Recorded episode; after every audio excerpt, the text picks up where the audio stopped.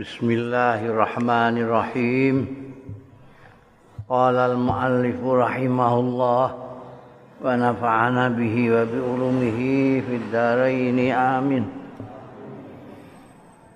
An Ibni Umar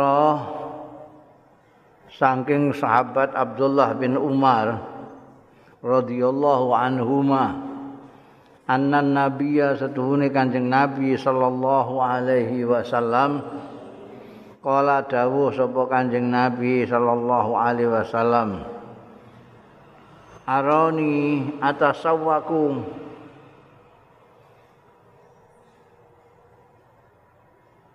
Aku weruh awakku ngipi iki supeno ningali ingsun atasawwaku. Siwakan sapa ingsun bisiwakin kelawan siwak. Fajaani rajulani mongko nekani ing ingsun sapa rajulani wong lanang loro. Ahaduhuma utahi salah sijine rajulani iku akbaru luweh tuwa minal akhari timbangane sing liyane. Panawal tu mongko menehake sapa ingsun asiwaka ing siwak al asghara ingkang luweh enom minhuma saking rajulani Fakila mengko dingendikake marang ingsun ana sing ngendikani kabir. Sing tuwa se kabir. Pada faktu mongko menehake sapa ingsun ing siwak ilal akbari maring sing luwih tuwa min huma saking rajulani. Ya menghormati sing tuwa menyayangi yang muda Jadi supenane Kanjeng Nabi ku ru'ya shadiqah ora kok kaya ngimpi-impi ngono iku kembang turu. Jadi ngemu pelajaran juga. Pertama tentang pentingnya siwakan, kedua kalau mendahulukan yang lebih tua dari yang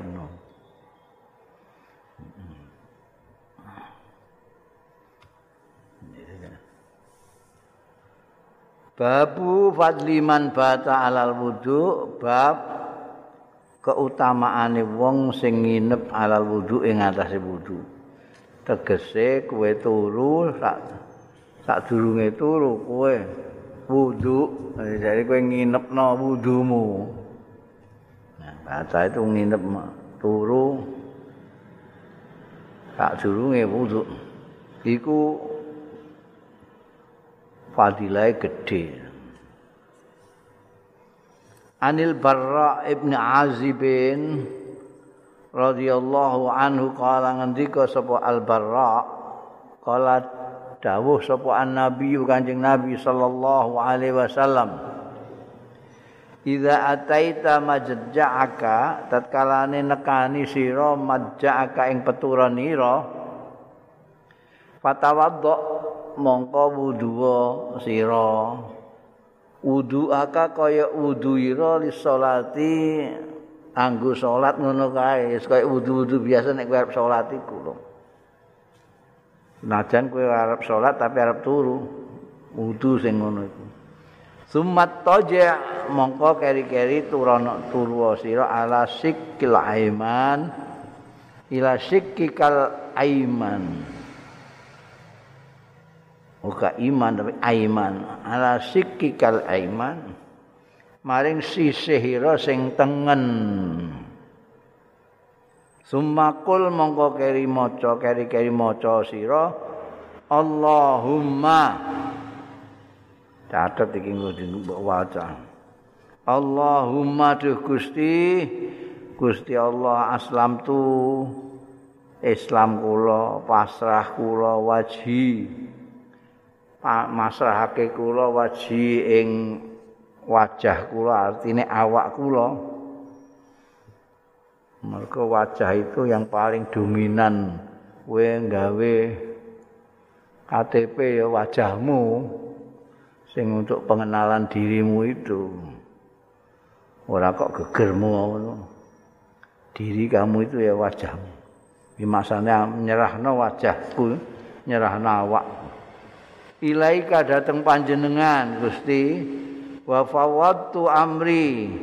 Lan nyerahake kula amri ing perkawis kula ilahi dhateng panjenengan. Wa alja'tu. Lan berlindung kula nglindungi kula mlayokake asal maknane zahri ing gigir kula ilaika dhateng panjenengan. Rohbatan wa rohbatan anti demen lan wedi. Harap dan cemas bahasa Indonesia ini harap-harap cemas. Ilaika datang panjenengan.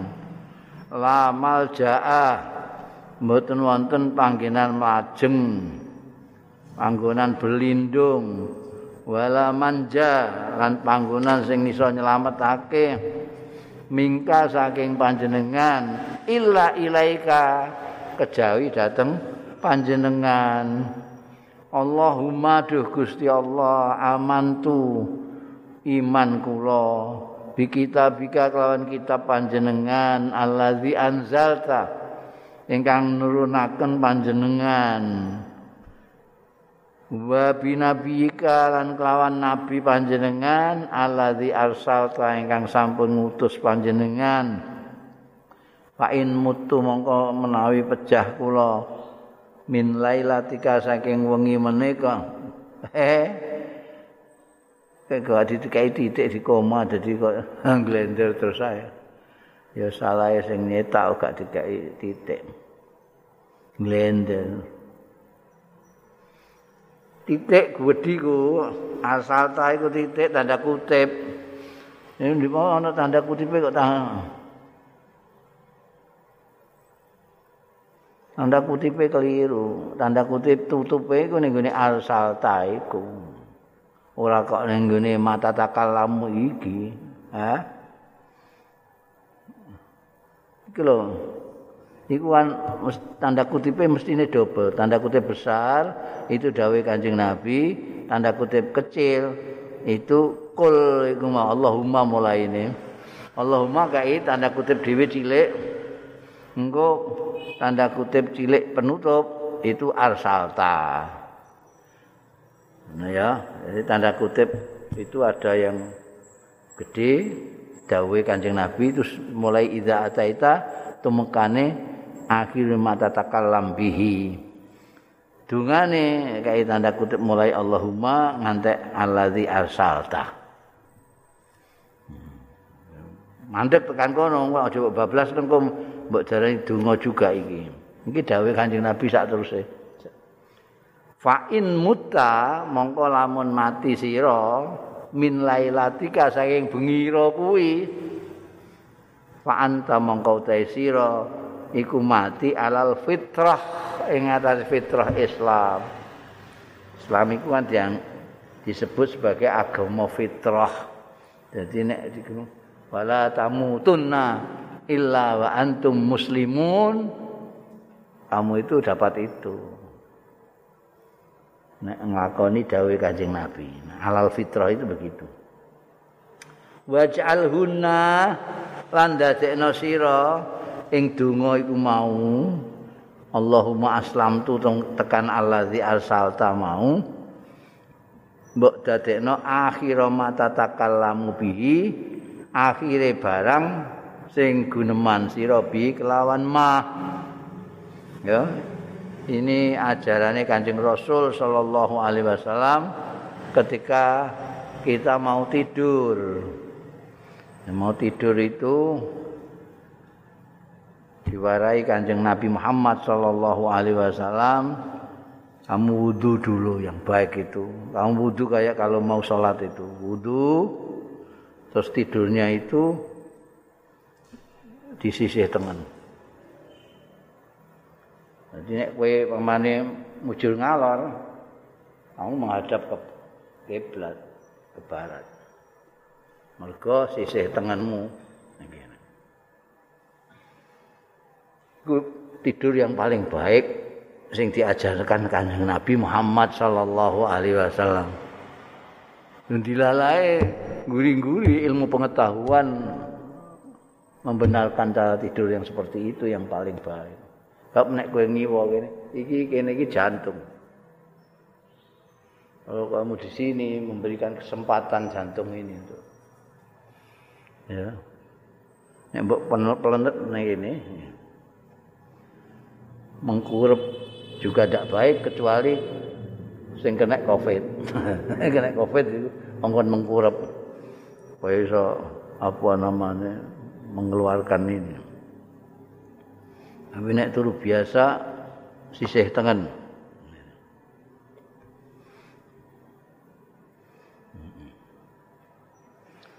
Jatang-atang keceblokan cecek. Ala sikikal aiman. Nek wis madhep ngulon nek kowe sing apik dhewe pancen kowe mujur nek kene mujur ngalor supaya madhep kiblat.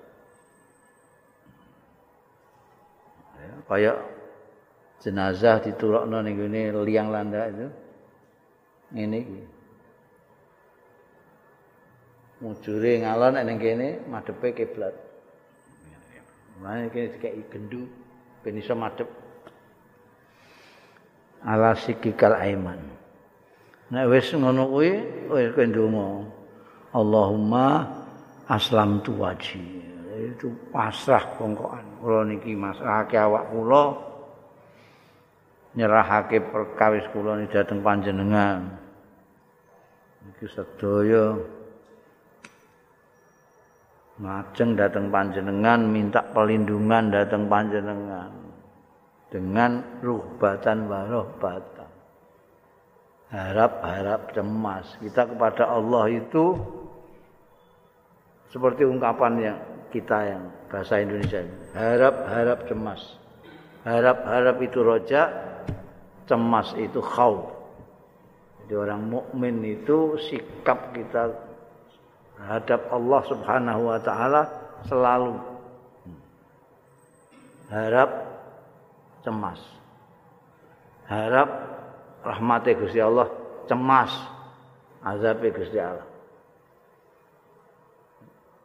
Nek kowe kakean roja iku ya enggak apik. Kakean khauf juga enggak apik. Nek kakean roja terlalu banyak roja itu terus kamu tuh sembranan mbrono. Wah Gusti Allah Ar-Rahman Ar-Rahim. Masa saya enggak dikasihani? Ngono. Terus kowe golek contoh-contoh, contoh-contoh sing nasibe luwih apik timbangane awakmu. Kowe akan padha-padha kawulane Gusti Allah, mesti aku idean. Wong kayae ngono. Itu terlalu banyak roja sing dieling Ar-Rahman Ar-Rahim. ora tahu eling sadidul iqab. Wah, aku saya ini sembahyang lima waktu tidak pernah telat. Malah saya jamaah terus. As, swargo melengon. Itu harus dibarengi dengan kau. Ya kalau sembahyang saya itu diterima oleh Tuhan, kalau tidak gimana? Tapi jangan terlalu khauf. Kau terus kelingan neraka terus saya. Ning padi-padi karo bojone kelingan neraka. Oh, insyaallah. Dipotrek dadi elek ngono. oh nganten sitoke mesam-mesem dene nangis. Lha apa Mas? kelingan neraka aku ya Allah. Iku khaufe kenemenan. Harus bareng. Rohbatan, warohbatan ilaika. Ya. mergo lamal ja'a wala manja mingka illa ilaika dari mau ke mana lagi mau berlindung ke siapa lagi? Tidak ada tempat berlindung kecuali Allah. Tidak ada. Ana ngantek ana dungane sujud iku nauzubika mingka nauzubika mingka ana auzubika mingka nyuwun pakreksan kula bika kelawan panjenengan saking panjenengan. Maka Gusti Allah itu apa namanya khairul makirin. Kita itu tidak bisa pernah aman itu kita mau ngeduk-ngeduk no sembahyang kita jangan-jangan sembahyang kita nggak diterima. Ngeduk nama tapi ada orang yang ngamalnya nggak begitu banyak diterima oleh Allah Taala. Eh, mulai gua biasa jajal.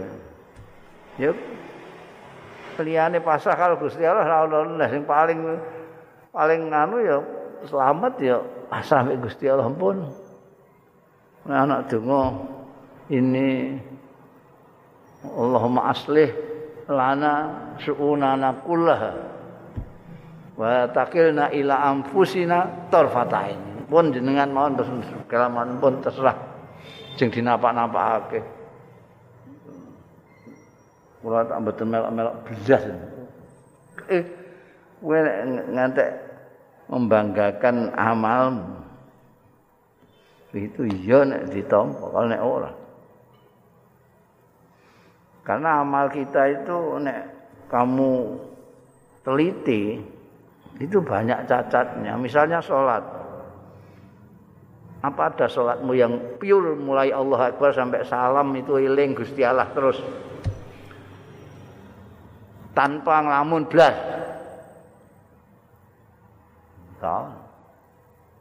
Malah kadang-kadang ngelamune sangang puluh songo persen. Ilingi Gusti Allah nalika pertama kali niat Allahu Akbar. Bariku wis gak Pemeneh kok makmum. Imame suwine ra karuan. Wah ngelamune tambah dawa.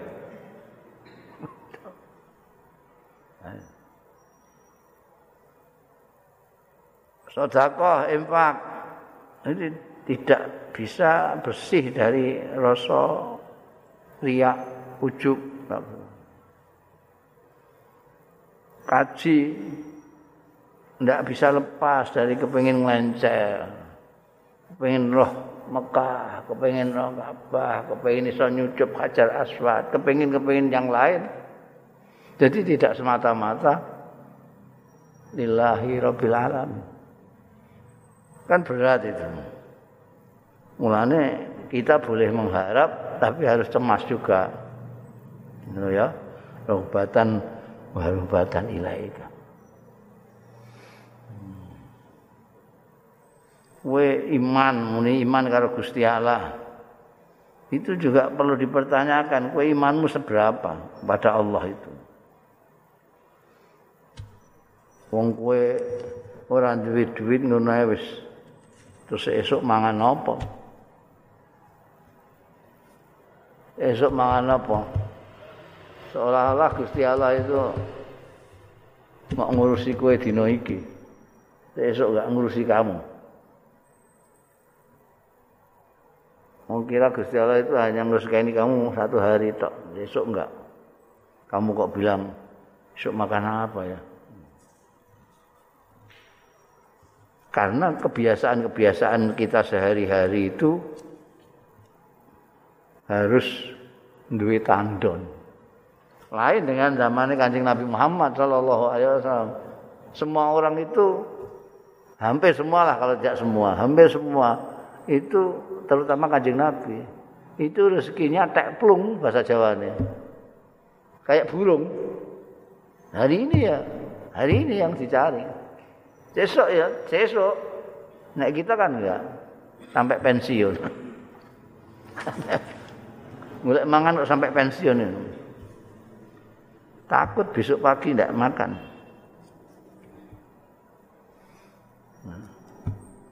Aman tuh bi kitab Iman nih kitab. Tapi dikandani kitab orang gugu. Jadi ini iman. Terus imanmu bagaimana? Jadi semuanya harus kita pertanyakan kaitannya dengan pernyataan kita sendiri. Aman tu bika. Aman tu kita bika. Aman tu rasulika. Itu iman yang kayak apa? Mau percaya tok ngono ae. Nek Gusti Allah ngedono kitab ning gone Kanjeng Nabi Muhammad sallallahu alaihi wasallam. Wis ngono titik. Enggak. Kalau iman ya kamu harus nuruti isine. Nek kamu melakukan ini wudu sebelum tidur tidurnya miring nengen kemudian donga iki nek kowe kok diparingi kapundhut nek kapundhut alal fitrah. Itu yang mata dalam kondisimu muslimi. Mergoane wala tamutunna itu kan. Peringatannya wala tamutunna illa wa antum muslimun. Nek kamu alal fitrah berarti muslimun. Maksudnya dawuh wa ja'alhunna akhira mata takallam bi kowe nek bar muni donga wa bi nabi kalladzi arsalta. Ya wis meneng ae. Kowe isih ketop-ketop. Terus nyanyi dangdut bareng aja. Eh iso turu. Ora ya siku dadekno akhir kata-katamu sebelum ngantek keturun ya itu. Bareng iku nek kowe durung iso turu ya merem ae wis. Meneng aja lah apa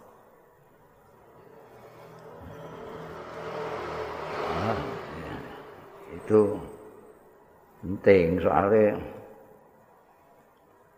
ono sing turu itu bablas. Turu itu kan setengah mati ya itu. Setengah mati. Kita saya sampaikan tapi kita sudah tidak sadar apa-apa. Nah itu kalau di karek sidik ngono es bablas. Kan bablas jadi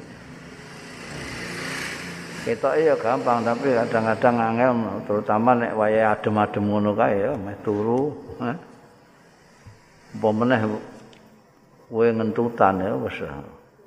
Wis kadung wudu nek ah.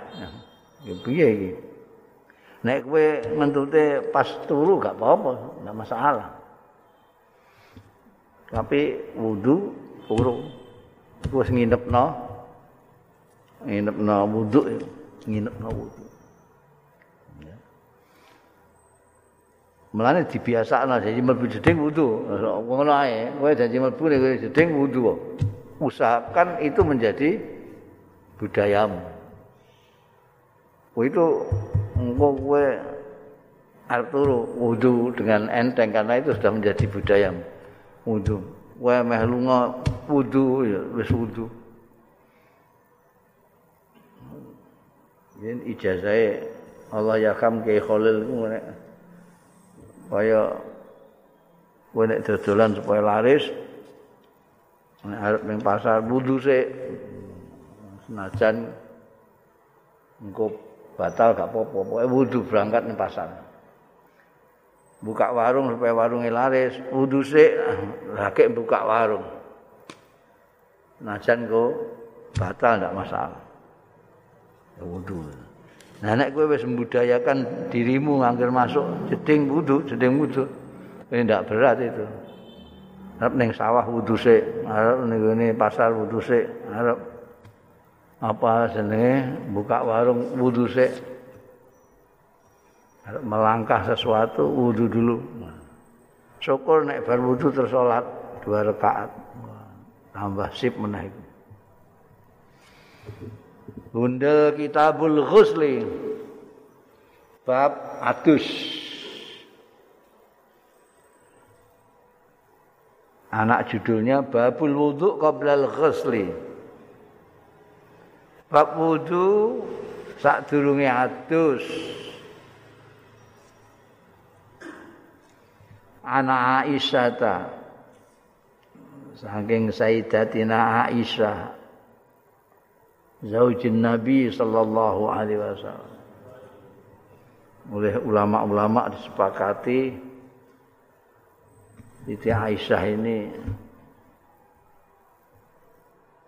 orang ketiga yang terbaik setelah Khadijah Siti Fatimah.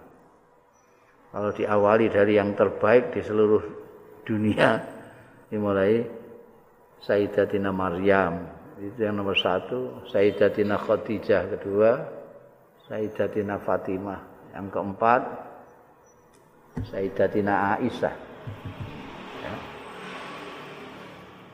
Nek sing lanang Kanjeng Nabi Muhammad sallallahu alaihi wasallam. Yang kedua Sayyidina Abu Bakar Siddiq, terus Sayyidina Umar dan seterusnya.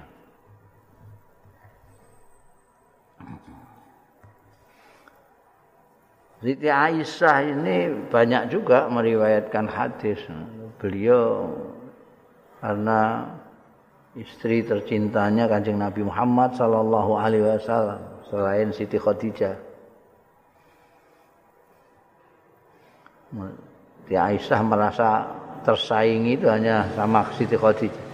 Cemburu itu hanya dengan Siti Khadijah. Karena meskipun sudah wafat Kanjeng Nabi selalu kalau apa-apa Siti Khadijah, apa-apa Siti Khadijah.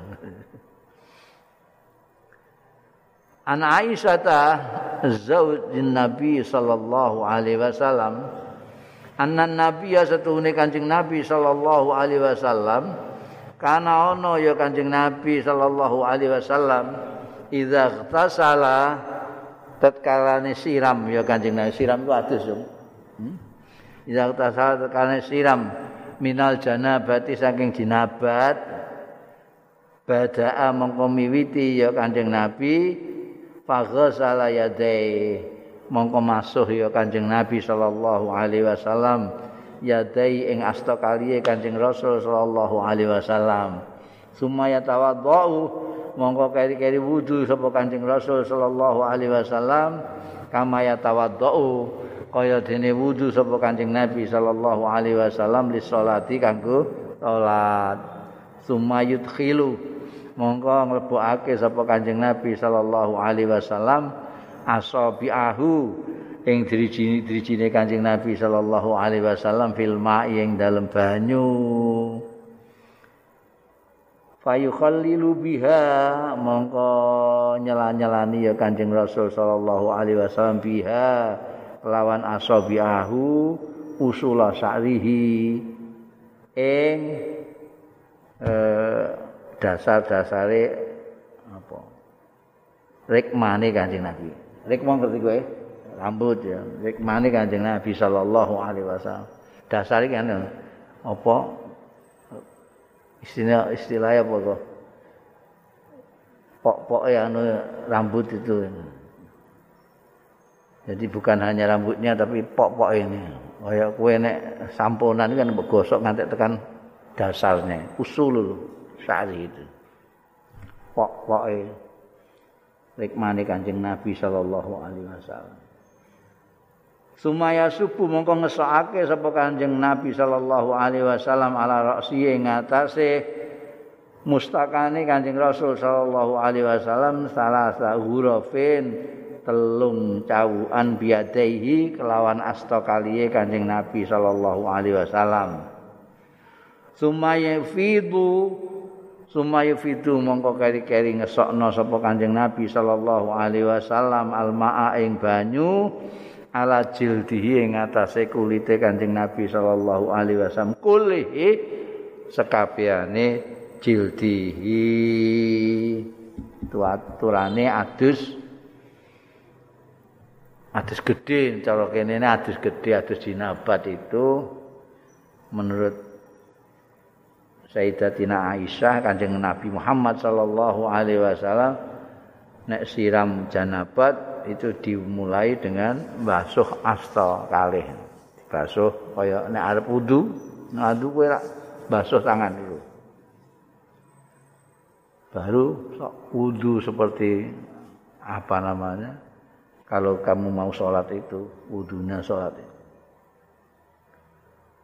lalu angan dimasukkan dalam air terus digosok-gosokkan rambut itu sampai dasarnya rambut kayak kayak kue samponan gitu oh. baru sirah diguyur sampai tiga kali. Tiga jauhan setelah itu baru lain-lainnya aturannya ini riwayat yang lain tiga kali tiga gebyuran ning gone sirah ngisor terus belah kanan tiga kali belah kiri tiga kali. Sawise wudu mau ya. Nah, cara fikih kaya wudu tapi mau tekan tangan loro. Illa sikil sikil loro durung terus langsung sirah. Wis. Masuk. Wong hadas gede. Jadi hadas cilik barang katut hilang. Kecuali kowe nek ngepok sesuatu yang batalno wudu carane adus.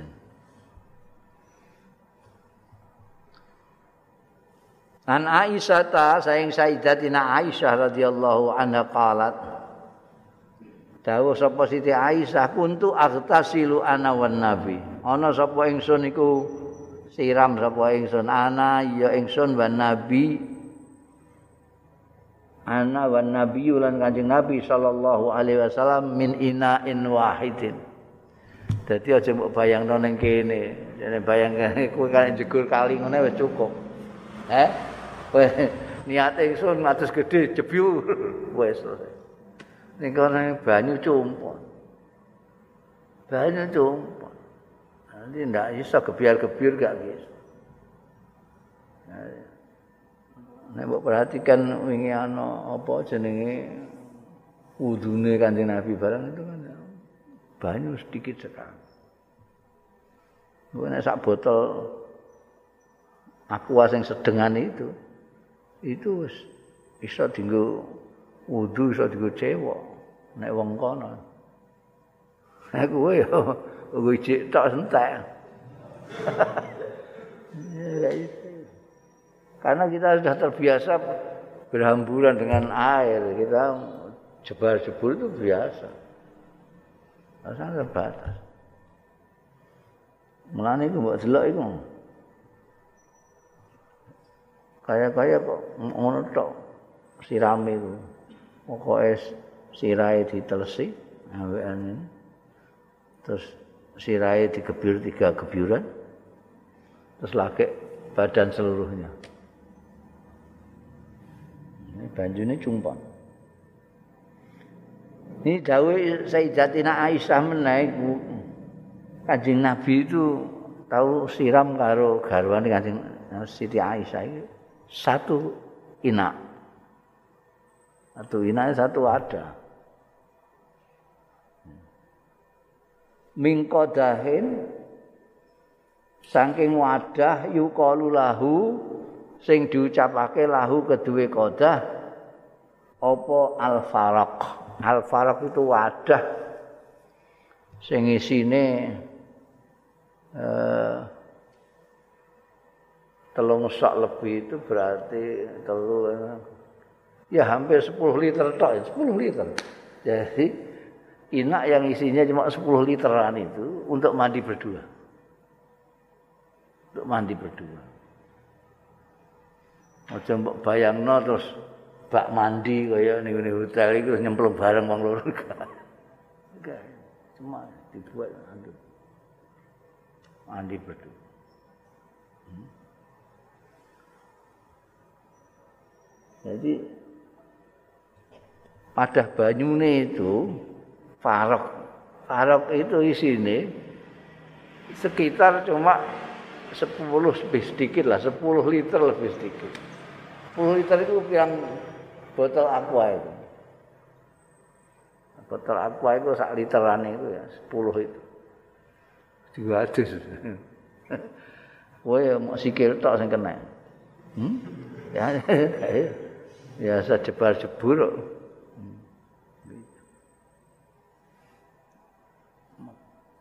sangat-sangat irit, sangat hemat dengan air.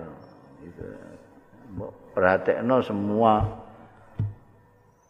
uh, sunnahnya Rasul Shallallahu Alaihi Wasallam yang kaitannya dengan air, apa wudhu, apa minum, apa mandi, itu kelihatan sekali. Tidak gebiar-gebiur kayak kita. An Aisyah radhiyallahu anha qalat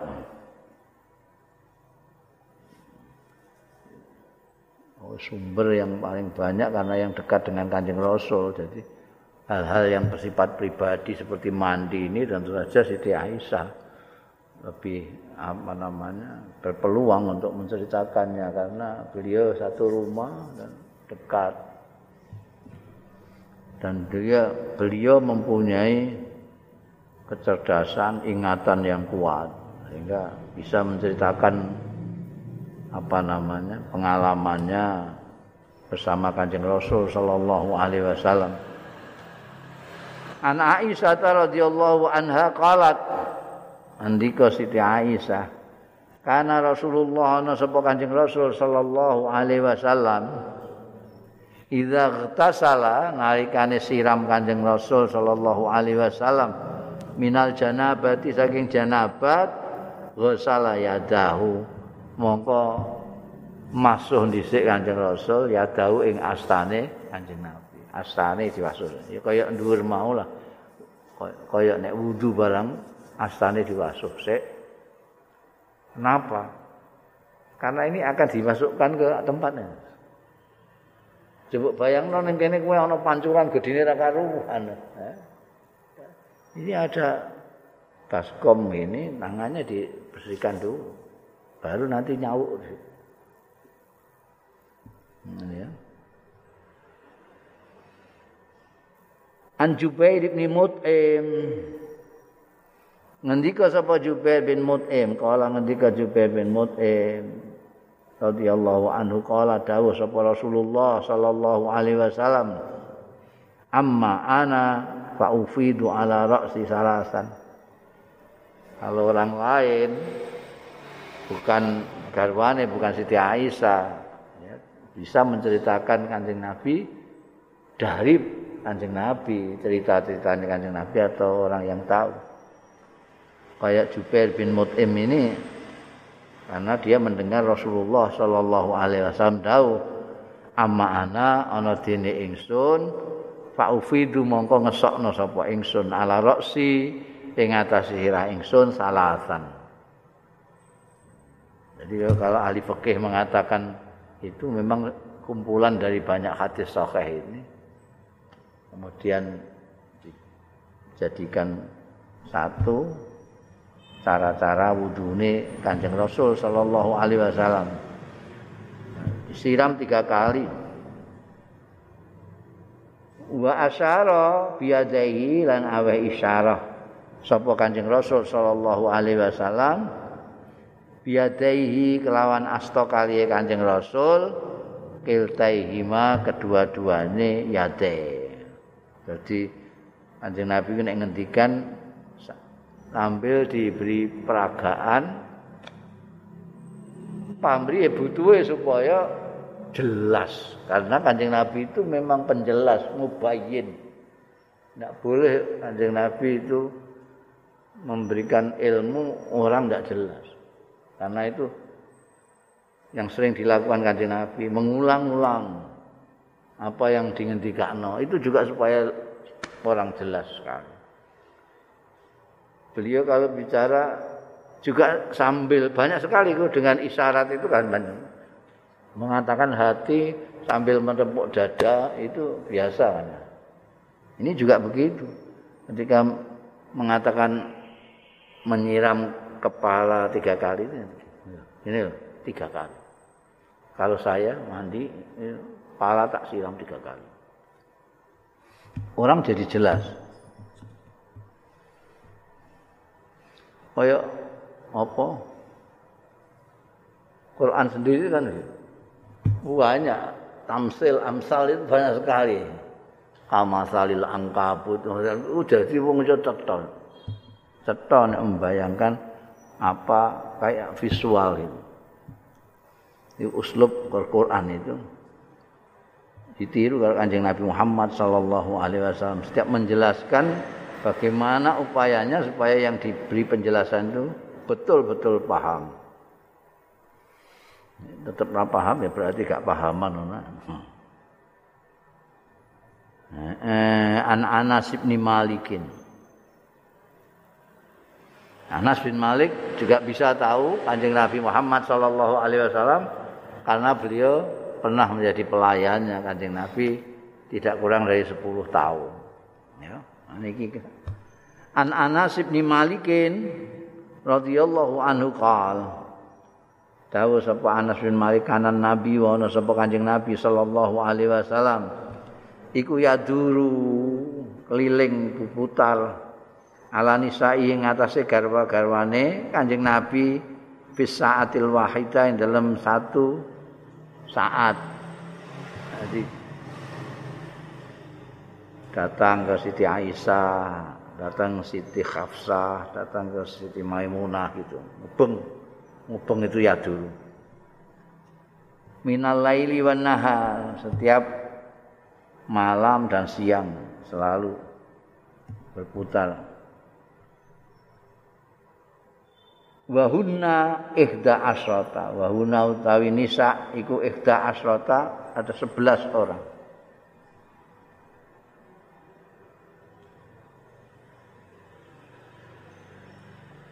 Kala ngendika sapa rawi ya. Kota Adah ya, kota Adah yang mendapatkan dari Anas bin Malik. Kultu matur sapa ingsun di Anas, marang Anas. Kota Adah itu muridnya, jadi tabi'i Anas Sohabi. Aku matur, awakana yutikuhu? Ana ta ana sapa Kanjeng Nabi sallallahu alaihi wasallam yutikuhu. Kuat Kanjeng Nabi ing itu ngubeng. Sesaat kok ngubeng terus gak kesel piye Kanjeng Nabi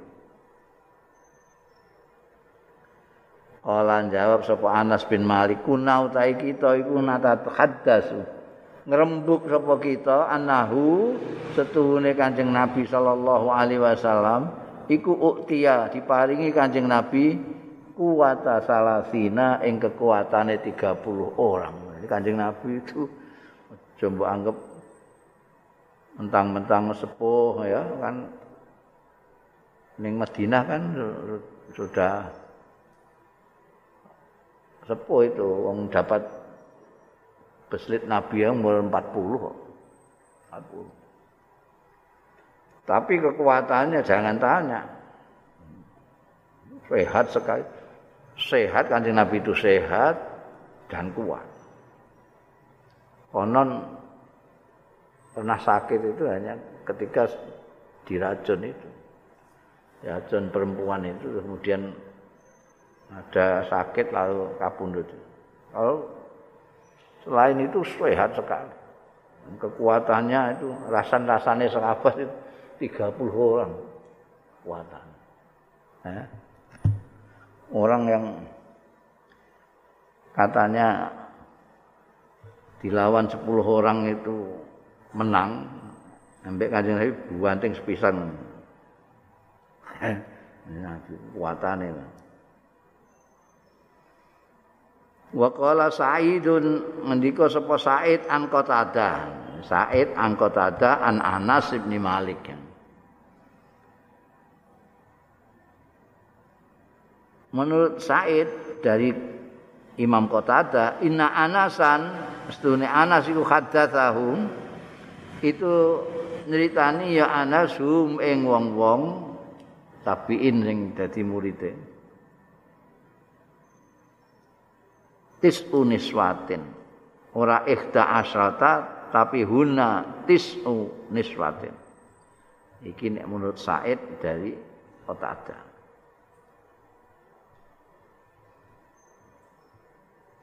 Jadi songo juga ya kesel nek kowe mlaku tok ana ngubengi bojo songo ya. Kesel. An Aliin rangi Sayyidina Ali radhiyallahu anhu kala ngendika sapa Sayyidina Ali, Sayyidina Ali bin Abi Thalib. Kuntu rajulan madza. Kuntu ana sapa ingsun ana iku rajulan wong lanang madza. Maza itu sering keluar mazi. Mazi itu cairan selain mani, selain air seni. Itu biasanya kalau uh, laki-laki terangsang itu keluar itu apa namanya cairan itu disebut mazi.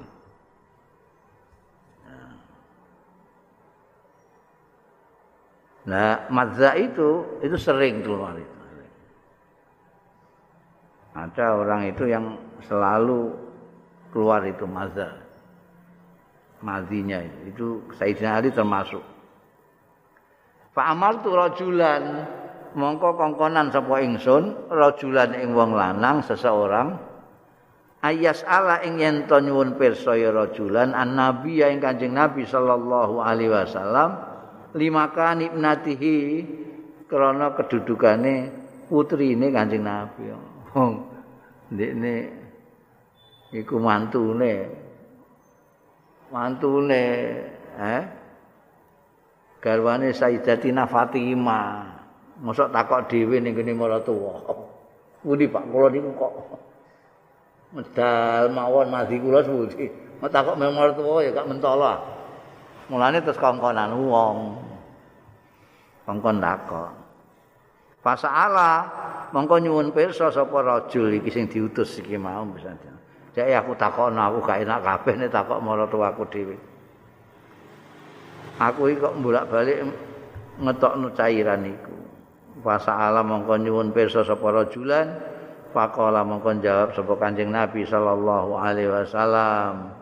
Tawaddo waghsil zakaraka. Dadi rajul iki ya gak muni dikongkon Sayyidina Ali mungkin dikasih ngono aja muni aku lho. Ya padha wae nek kowe muni karo aku. Mau tambah isin aku ngono-ngono. Mu takok kowe takok ngono ae lho. Kula mazak ngono ya. Takok. Mulane jawabane Kanjeng Nabi, tawadhu wudu nek kowe nek termasuk rajulan mazak, kowe tawadhu wudu wasil zakaraka. Wis wudu ngono ora usah hadus. Dari wudu waksil zakaroka lan wasuh zakarmu iku zakarmu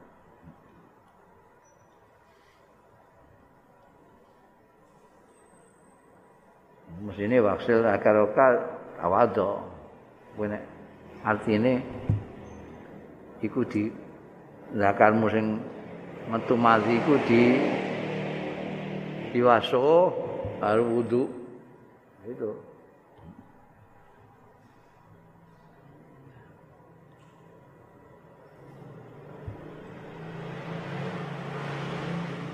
An Ibni Abbasin saking Abdullah bin Abbas radhiyallahu anhuma.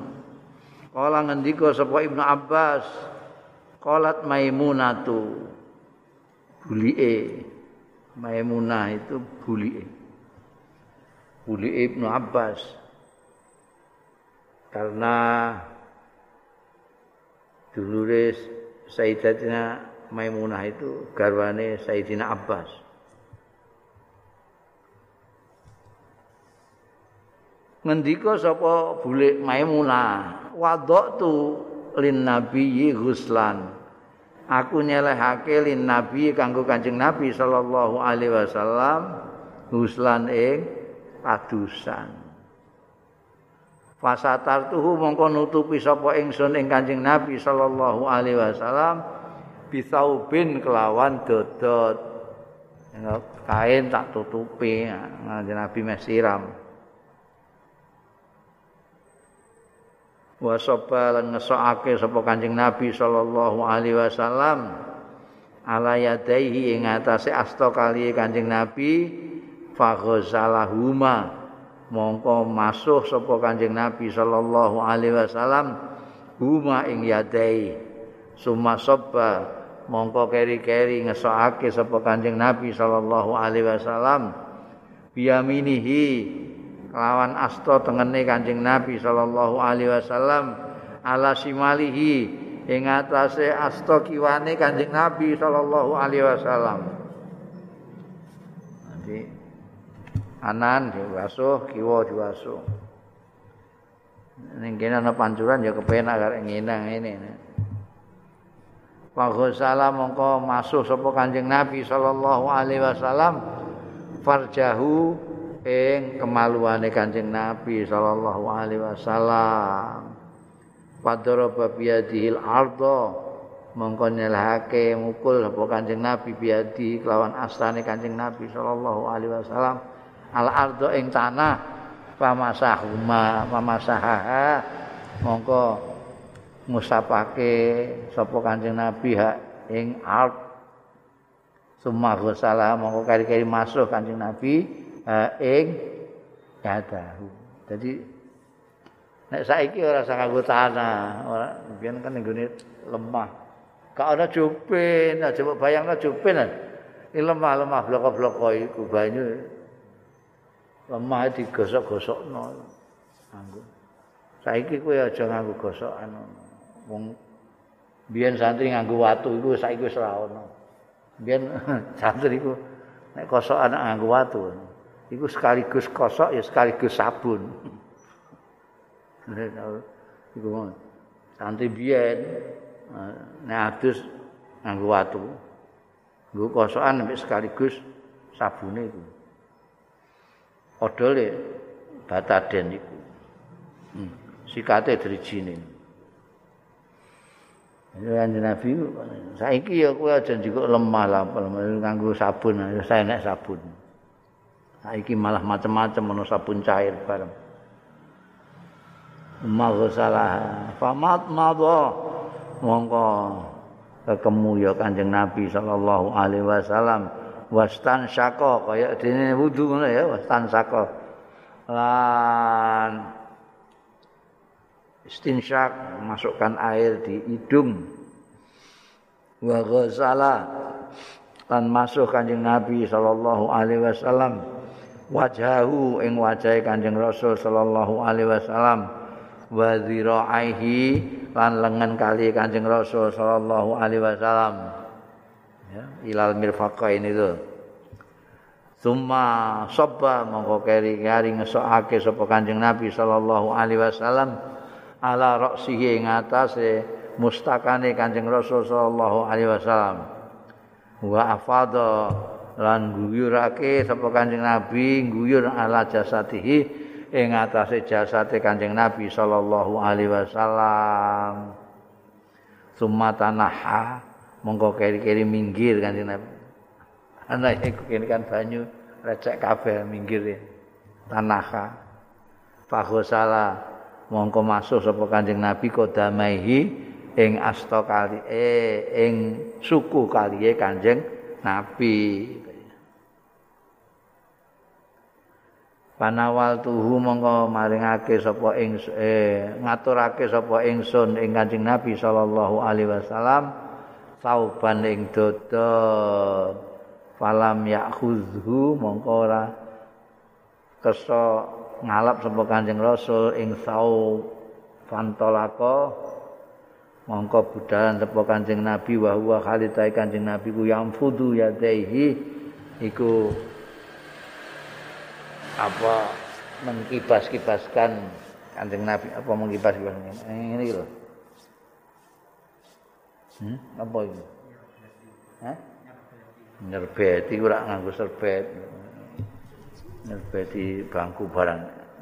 Ngipat-ngipat -ngipat, bar wudu kowe lho. Kowe nek wudu ora andukan iku mbok kenek-kenek apa itu ngipat-ngipat no ya? Ngipat-ngipat no yang fudu ya dehi ngipat-ngipat no ya dehi ing asta kali kanjeng nabi. Jadi mana ana sing ya ya sing gak kerso nganggo anduk barang itu. Paling ya mau kena kipat-kipat no ngono ini banyune iku berkah. Ini banyu berkah mbok kipat-kipat mbok anduki ilang berkah Ayo, mau di kipat-kipat nato. Ini ini. Nek kaya iki kok mau ana Jadi wudune kaya ning mburi nek iki ya.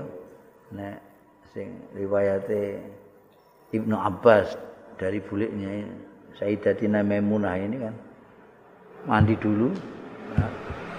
Simali mawasal fal jauh sapi lute Baru wudhu Pamat mando Wastan sako Sokhal wajau Wadiro ayu kan wudhu soba ala rasi Ya ini apa?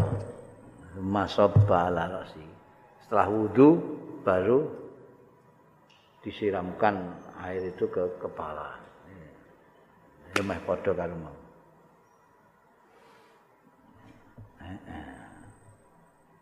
kakinya di belakang.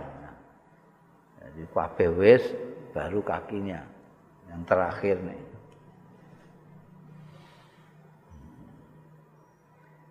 An Aisyah ta, An Aisyah ta Allah.